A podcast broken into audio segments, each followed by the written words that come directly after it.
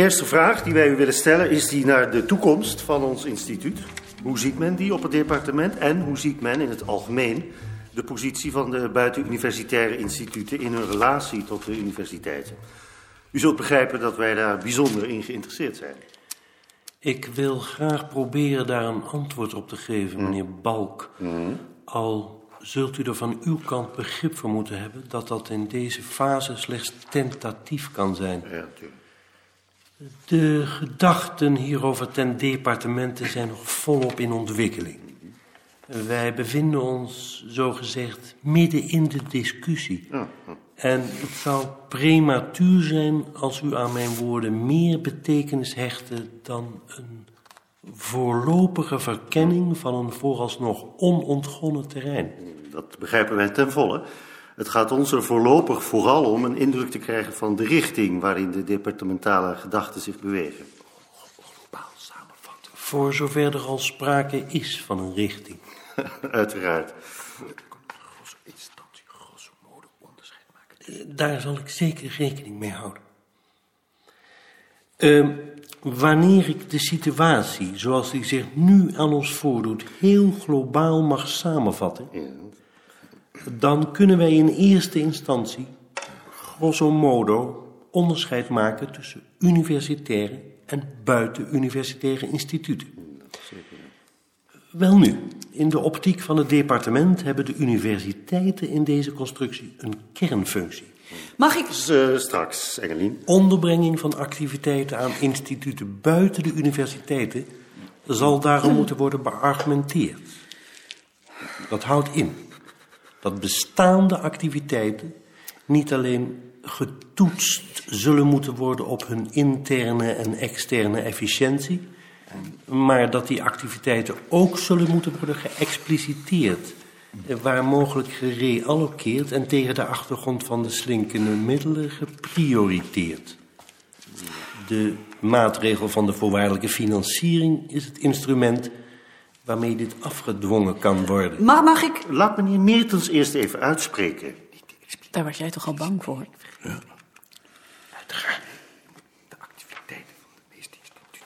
Wat nu de explicitering betreft, wij verwachten op dat punt geen grote problemen. Nou, mooi.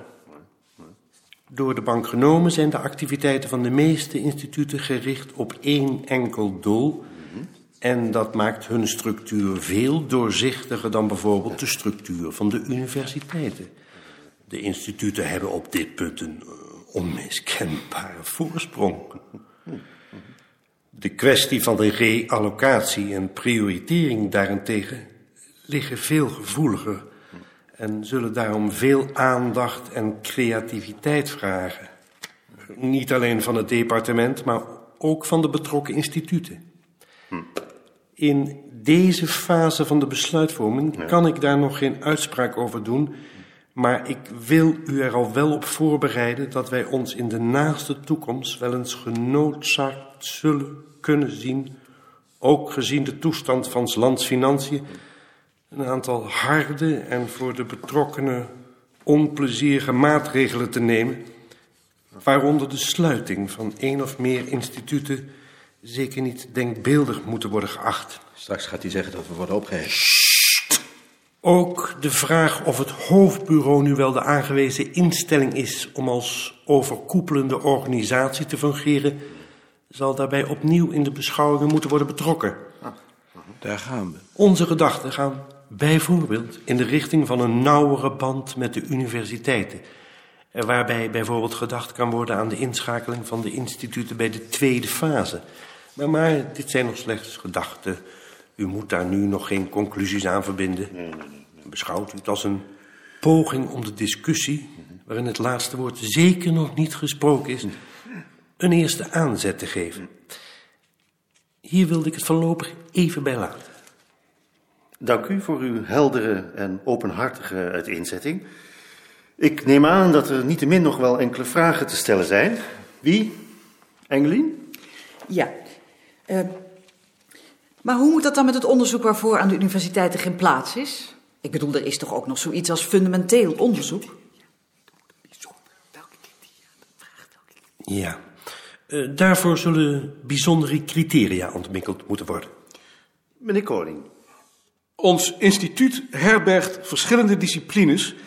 Ehm, als die ondergebracht zouden worden bij de universiteiten, dan zouden ze bij verschillende vakgroepen terechtkomen. Taal, geschiedenis, antropologie.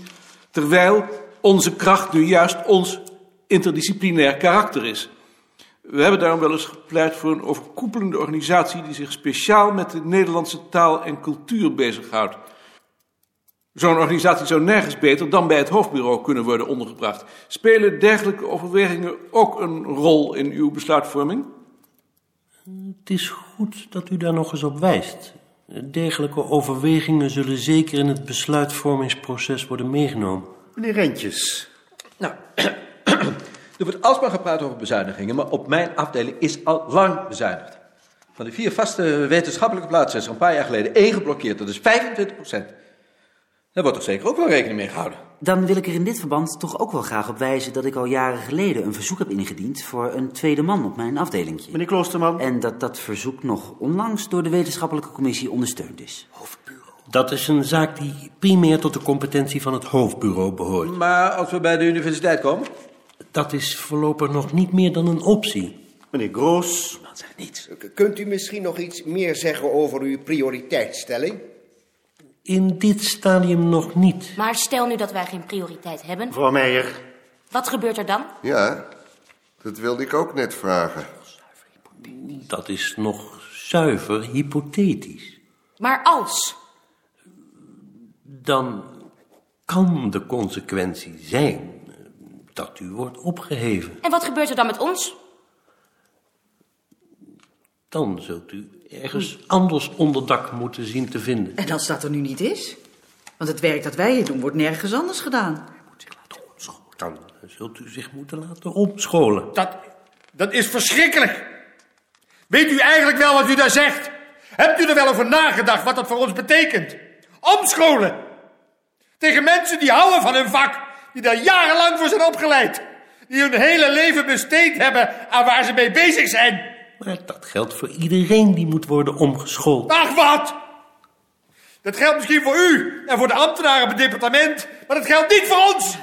Ik ben, ik ben 18 uur per dag met mijn vak bezig. Ik sta ermee op en ik ga ermee naar bed. Mijn leven bestaat nergens anders uit dan uit, dan uit volkstaal. Ik droom ervan. Ja. En dan komt u ons hier even tussen neus en lippen door vertellen dat we ons moeten laten omscholen. Waar haalt u dat vandaan? Ik vind het niet alleen verschrikkelijk, ik vind het, ik vind het schandelijk, schandelijk. Ik heb er geen ander woord voor. Ja, ja, doe nou maar. Huub, wind je nou maar niet zo op. Ik vind het echt verschrikkelijk. Ja, ja, vinden wij ook. Ik, ik kan mij voorstellen dat het idee u aangrijpt en, en in zekere zin eh, pleit dat alleen maar voor u, maar het is nog lang zover niet. Ik stel voor om hiermee dit deel van de discussie af te sluiten, tenzij iemand anders nog een vraag heeft. Niemand? Dan komen we nu aan het tweede punt van de agenda, de kwestie van de doorstroomplaatsen. Meneer Koning, misschien wilt u de bezwaren die daartegen bij uw afdeling bestaan kort toelichten.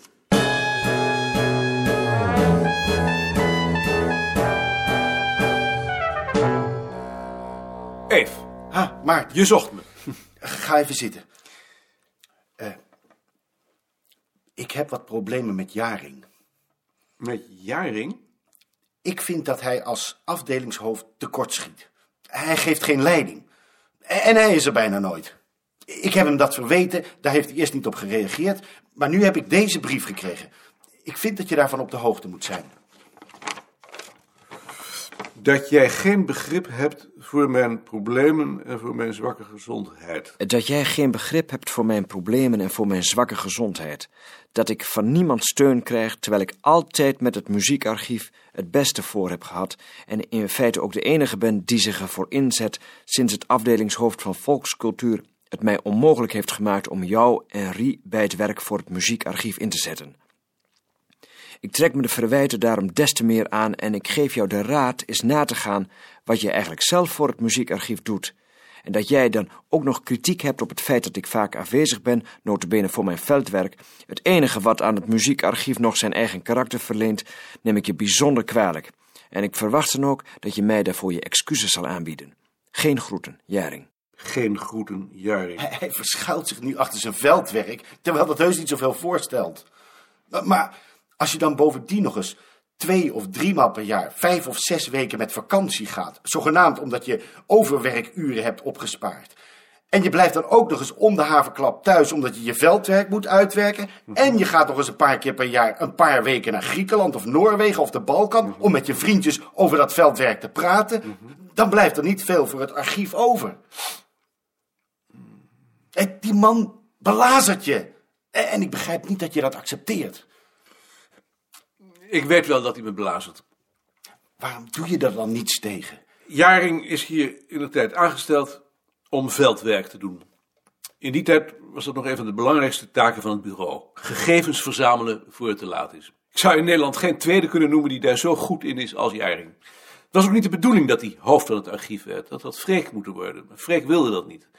Bovendien veranderde in diezelfde tijd het klimaat. Verzamelen alleen om het verzamelen werd niet meer geaccepteerd. Jaring kwam toen klem te zitten, want kan niet anders.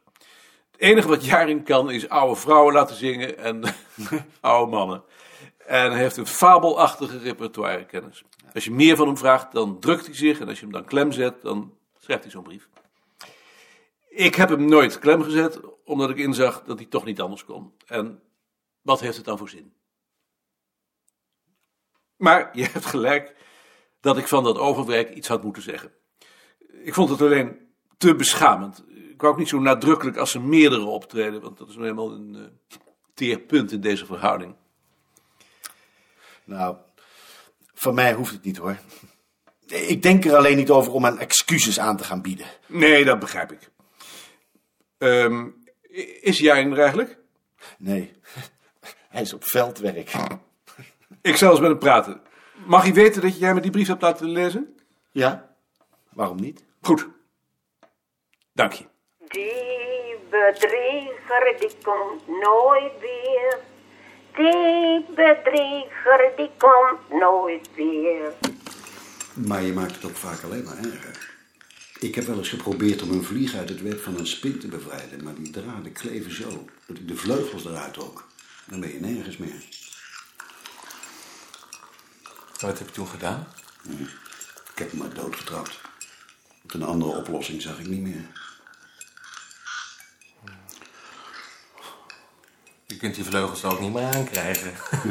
Het zou moeten kunnen. Bij een mens kan het tenslotte ook. Sinds het afdelingshoofd van volkscultuur het mij onmogelijk heeft gemaakt om jou en Rie bij het werk voor het muziekarchief in te zetten. En muggen? Sla je die dan ook niet dood? Nee, tuurlijk niet. Waarom zou je dat doen? Thank you.